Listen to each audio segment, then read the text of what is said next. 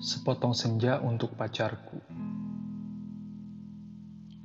Alina tercinta, bersama surat ini kukirimkan padamu sepotong senja dengan angin, debur ombak, matahari terbenam, dan cahaya kemasan. Apakah kamu menerimanya dalam keadaan lengkap? Seperti setiap senja di setiap pantai, tentu ada juga burung-burung, pasir yang basah, siluet batu karang, dan barangkali juga perahu lewat di jauhan.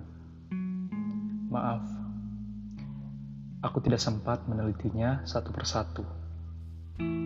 Mestinya ada juga lokan, batu yang berwarna-warni, dan bias cahaya cemerlang yang berkeretap pada bui yang bagaikan impian selalu saja membuat aku mengangankan segala hal yang paling mungkin kulakukan bersamamu. Meski aku tahu semua itu akan tetap tinggal sebagai kemungkinan yang entah kapan menjadi kenyataan. Kukirimkan sepotong senja ini untuk Alina. Dalam amplop yang tertutup rapat dari jauh, karena aku ingin memberikan sesuatu yang lebih dari sekedar kata-kata. Sudah terlalu banyak kata di dunia ini, Alina. Dan kata-kata ternyata tidak mengubah apa-apa. Aku tidak akan menambahkan kata-kata yang sudah tak terhitung jumlahnya dalam sejarah kebudayaan manusia, Alina. Untuk apa? Kata-kata tidak ada gunanya dan selalu sia-sia. Lagi pula, siapakah yang masih sudi mendengarnya? Di dunia ini, semua orang sibuk berkata-kata tanpa peduli apakah ada orang lain yang mendengarnya. Bahkan, mereka juga tidak peduli dengan kata-katanya sendiri. Sebuah dunia yang sudah kelebihan kata-kata tanpa makna. Kata-kata sudah luber dan tidak dibutuhkan lagi. Setiap kata bisa diganti artinya, setiap arti bisa diubah maknanya. Itulah dunia kita. Kukirimkan sepotong senja untukmu Alina, bukan kata-kata cinta. Kukirimkan padamu sepotong senja yang lembut, dengan langit kemerah-merahan yang nyata dan betul-betul ada dalam keadaan yang sama seperti ketika aku mengambilnya saat matahari hampir tenggelam balik cakrawala. Alina yang manis, Alina yang sendu, akan kuceritakan padamu bagaimana aku mendapat menjadi itu untukmu. Sore itu, aku duduk seorang diri di tepi pantai, memandang dunia yang terdiri dari waktu, memandang bagaimana ruang dan waktu bersekutu, menjelmakan alam itu untuk mataku. Di tepi pantai, di tepi bumi, semesta adalah sapuan warna kemasan dan lautan adalah cairan logam. Meski buah pada debur ombak yang mengempas itu tetap saja putih, seperti kapas, dan langit tetap saja ungu, dan angin tetap saja lembab dan basah. Dan pasir tetap saja hangat ketika aku usapkan kakiku ke dalamnya. Kemudian, tiba-tiba senja dan cahaya bergemetar. Keindahan berkutat melawan waktu, dan aku tiba-tiba teringat padamu. Barangkali menjadi ini bagus untukmu, pikirku. Maka kupotong senjat itu sebelum terlambat. Ku kerat pada empat sisi atas kemasukan ke dalam saku. Dengan begitu keindahan itu bisa abadi dan aku bisa memberikannya padamu. Setelah itu, aku berjalan pulang dengan perasaan senang tahu kamu akan menyukainya. Karena kamu tahu itulah senja yang selalu kamu bayangkan untuk kita.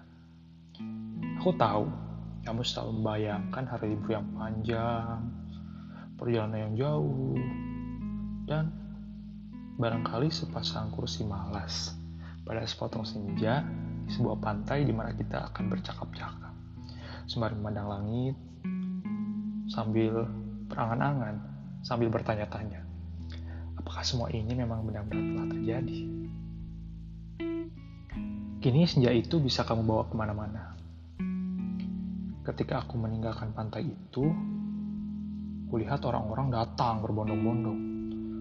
Nyata mereka menjadi gempar karena senja telah hilang. Kulihat cakrawala itu berlubang sebesar kartu pos. Alina sayang, semua itu telah terjadi dan kejadiannya akan tetap seperti itu. Aku telah sampai ke mobil ketika di antara kerumunan itu kulihat seorang menunjuk-nunjuk ke arahku. Dia yang mengambil senja itu. Saya lihat dia mengambil senja itu. Kulihat orang-orang itu melangkah ke arahku. Melihat gelagat itu aku segera masuk mobil dan catatan capgas. Catat nomornya, catat nomornya. Aku melejit ke jalan raya Aku kebut mobilku tanpa perasaan panik. Aku sudah berniat memberikan senja itu untukmu dan hanya untukmu saja, Alina. Tak seorang pun boleh mengambilnya dariku. Cahaya senja yang kemasan itu berbinar-binar dalam saku. Aku merasa cemas karena meskipun kaca mobilku gelap, tapi cahaya senja tentu cukup terang terlihat dari luar. Dan ternyata Cahaya senja itu memang menembus segenap cahaya dalam mobilku. Sehingga mobilku itu meluncur dengan nyala cemerlang ke aspal maupun ke angkasa. Dari radio yang kusetel, aku tahu berita tentang hilangnya senja telah tersebar ke mana-mana. Dari televisi, dalam mobil, bahkan aku lihat potretku sudah terpampang. Aduh, baru hilang satu senja, sudah paniknya seperti itu. Apa tidak bisa menunggu sampai besok? Bagaimana kalau setiap orang mengambil senja untuk pacarnya masing-masing? Barangkali memang sudah waktunya dibawa senja tiruan yang bisa dijual di toko-toko, dikemas dalam kantong plastik, dan dijual di kaki lima. Udah waktunya senja diproduksi besar-besaran supaya bisa dijual anak-anak pedagang asongan di perempatan jalan. Senja, senja, cuma 1003 jalantan mobilku melaju masuk kota. Aku harus hati-hati karena semua orang mencariku. Sirene mobil polisi meraung-raung di mana-mana. Cahaya kota yang tetap gemilang tanpa senja membuat cahaya kemasan dari dalam mobilku tidak terlalu kentara. Lagi pula di kota tidak semua orang peduli apakah senja hilang atau tidak. Di kota, kehidupan berjalan tanda waktu. Tidak peduli pagi, siang, sore, atau malam. Jadi, tidak pernah penting senja itu ada atau hilang. Senja cuma penting untuk turis yang suka motret matahari terbenam. Boleh jadi, hanya demi alasan itulah dia yang kubawa ini dicari-cari polisi. Sirene polisi mendekat dari belakang. Dengan pengeras suara, polisi itu memberi peringatan. Pengemudi mobil Porsche abu-abu metalik nomor SG 19658A harap berhenti. Ini polisi. Anda ditahan karena dituduh telah membawa senja, meskipun tak ada aturan yang melarangnya, tapi berdasarkan aku tidak sudi mendengarnya lebih lama lagi. Jadi kubilas dia sampai terpental keluar pagar tepi jalan. Kutancap gas dan menyelap nyelip ngalincah jalanan. Dalam waktu singkat, kota sudah penuh raungan siren polisi. Terjadi kejar-kejaran yang seru. Tapi aku lebih tahu seluk-beluk kota.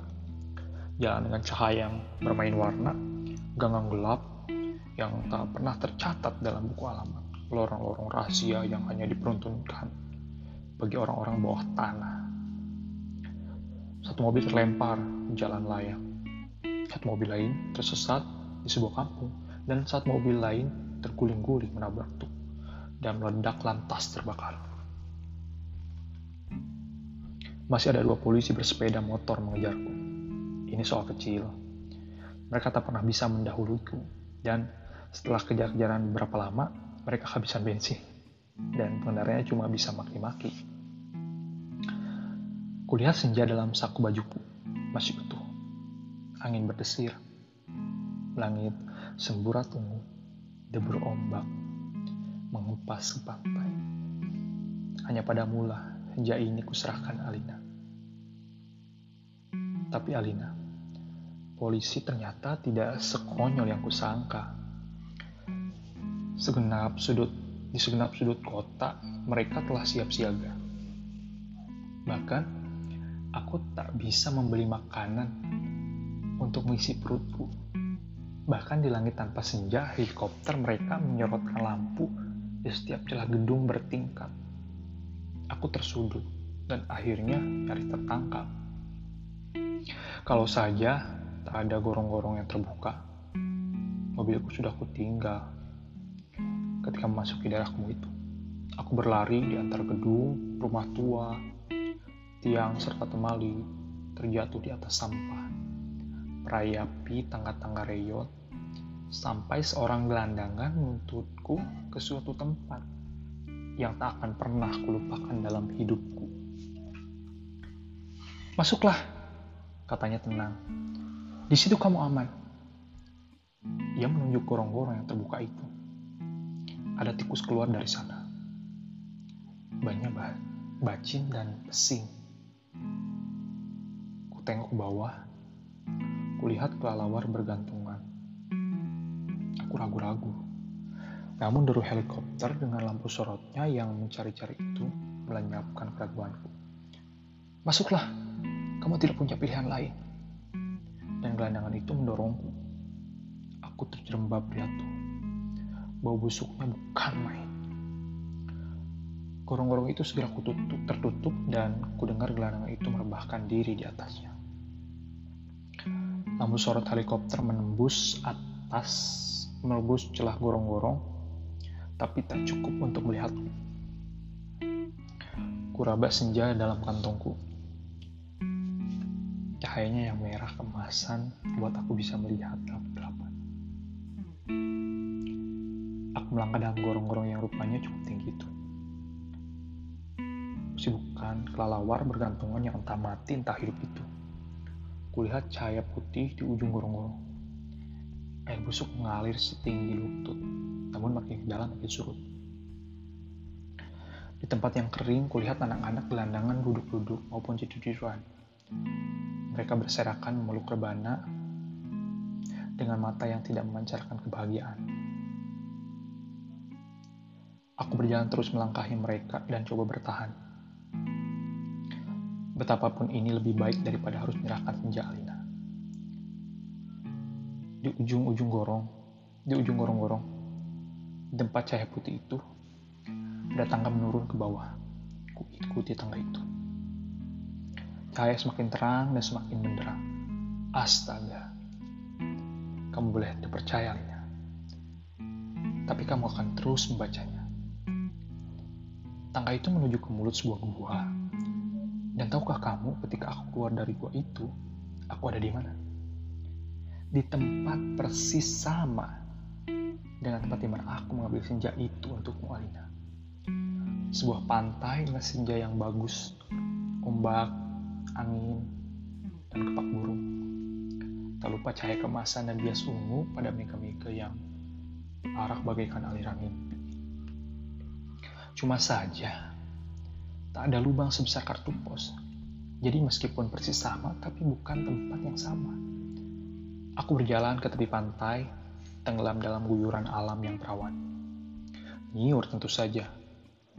Matahari dan dasar lautan yang bening dengan lidah ombak yang berdesis-desis. Tak ada cottage, tak ada barbecue, tak ada marina. Semua itu memang tidak perlu. Senja yang bergetar melawan takdir, membiaskan cahaya kemasan ke tepi semesta. Aku sering malu sendiri melihat semua itu, Alina. Alina, apakah semua itu mungkin diterjemahkan dalam bahasa? Sambil duduk di tepi pantai, aku berpikir-pikir untuk apakah semua ini kalau tak ada yang menyaksikannya? Setelah berjalan ke sana kemari, aku tahu kalau dunia ini dalam gorong-gorong ini kosong melompong. Tak ada manusia, tak ada tikus, apalagi dinosaurus. Hanya burung yang terkepak. Tapi ia sepertinya bukan burung yang bertelur dan membuat sarang. Ia hanya burung yang dihadirkan sebagai ilustrasi senja. Ia hanya burung berkepak dan berkapak terus di sana. Aku tak habis pikiran. Alam seperti ini dibuat untuk apa? Untuk apa senja yang bisa membuat seorang ingin jatuh cinta itu jika tak ada seekor dinosaurus pun menikmatinya?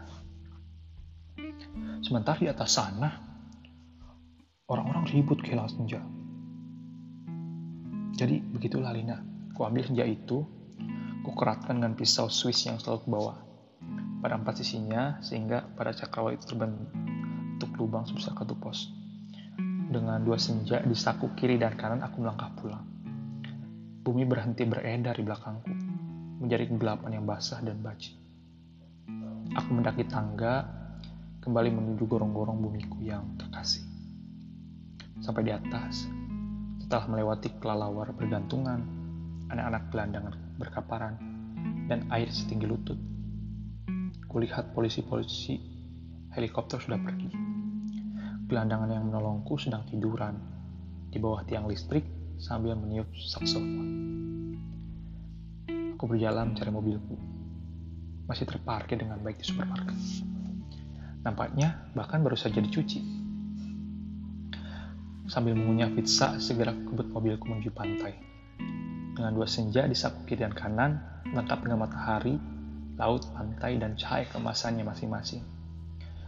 Mobilku bagai memancarkan cahaya ilahi. Sepanjang jalan layang, sepanjang jalan tol, tancap gas dengan kecepatan penuh. Alina kasihku, pacarku, wanitaku. Kau pasti sudah tahu apa yang terjadi kemudian. Kupasang senja yang dari gorong-gorong pada lubang sebesar kartu pos itu dan ternyata pas. Lantas, kukirimkan senja yang asli ini untukmu lewat pos. Aku ingin mendapatkan apa yang kulihat pertama kali. Senja dalam arti sebenarnya, bukan semacam senja yang ada di gorong-gorong itu. Kini gorong-gorong itu betul-betul menjadi gelap palingnya. Pada masa yang akan datang, orang-orang tua akan bercerita pada cucunya tentang kenapa gorong-gorong menjadi gelap. Mereka akan berkisah bahwa sebenarnya ada alam lain di bawah gorong-gorong dengan matahari dan rembulannya sendiri. Namun semua itu tidak lagi karena seorang telah mengambil senja untuk menggantikan senja lain di atas bumi. Orang-orang tua itu juga akan bercerita bahwa senja yang asli telah dipotong dan diberikan oleh seorang kepada pacarnya. Alina yang manis, paling manis, dan akan selalu manis. Terimalah sepotong senja itu, hanya untukmu. Dari seseorang yang ingin membahagiakanmu. Awas, hati-hati dengan lautan dan matahari. Salah-salah, cahayanya membakar langit dan kalau tumpah airnya bisa membanjiri permukaan bumi. Dengan ini kirimkan pula kerinduanku padamu. Dengan cium, peluk, dan bisikan terhangat dari sebuah tempat yang paling sunyi di dunia. Terima kasih.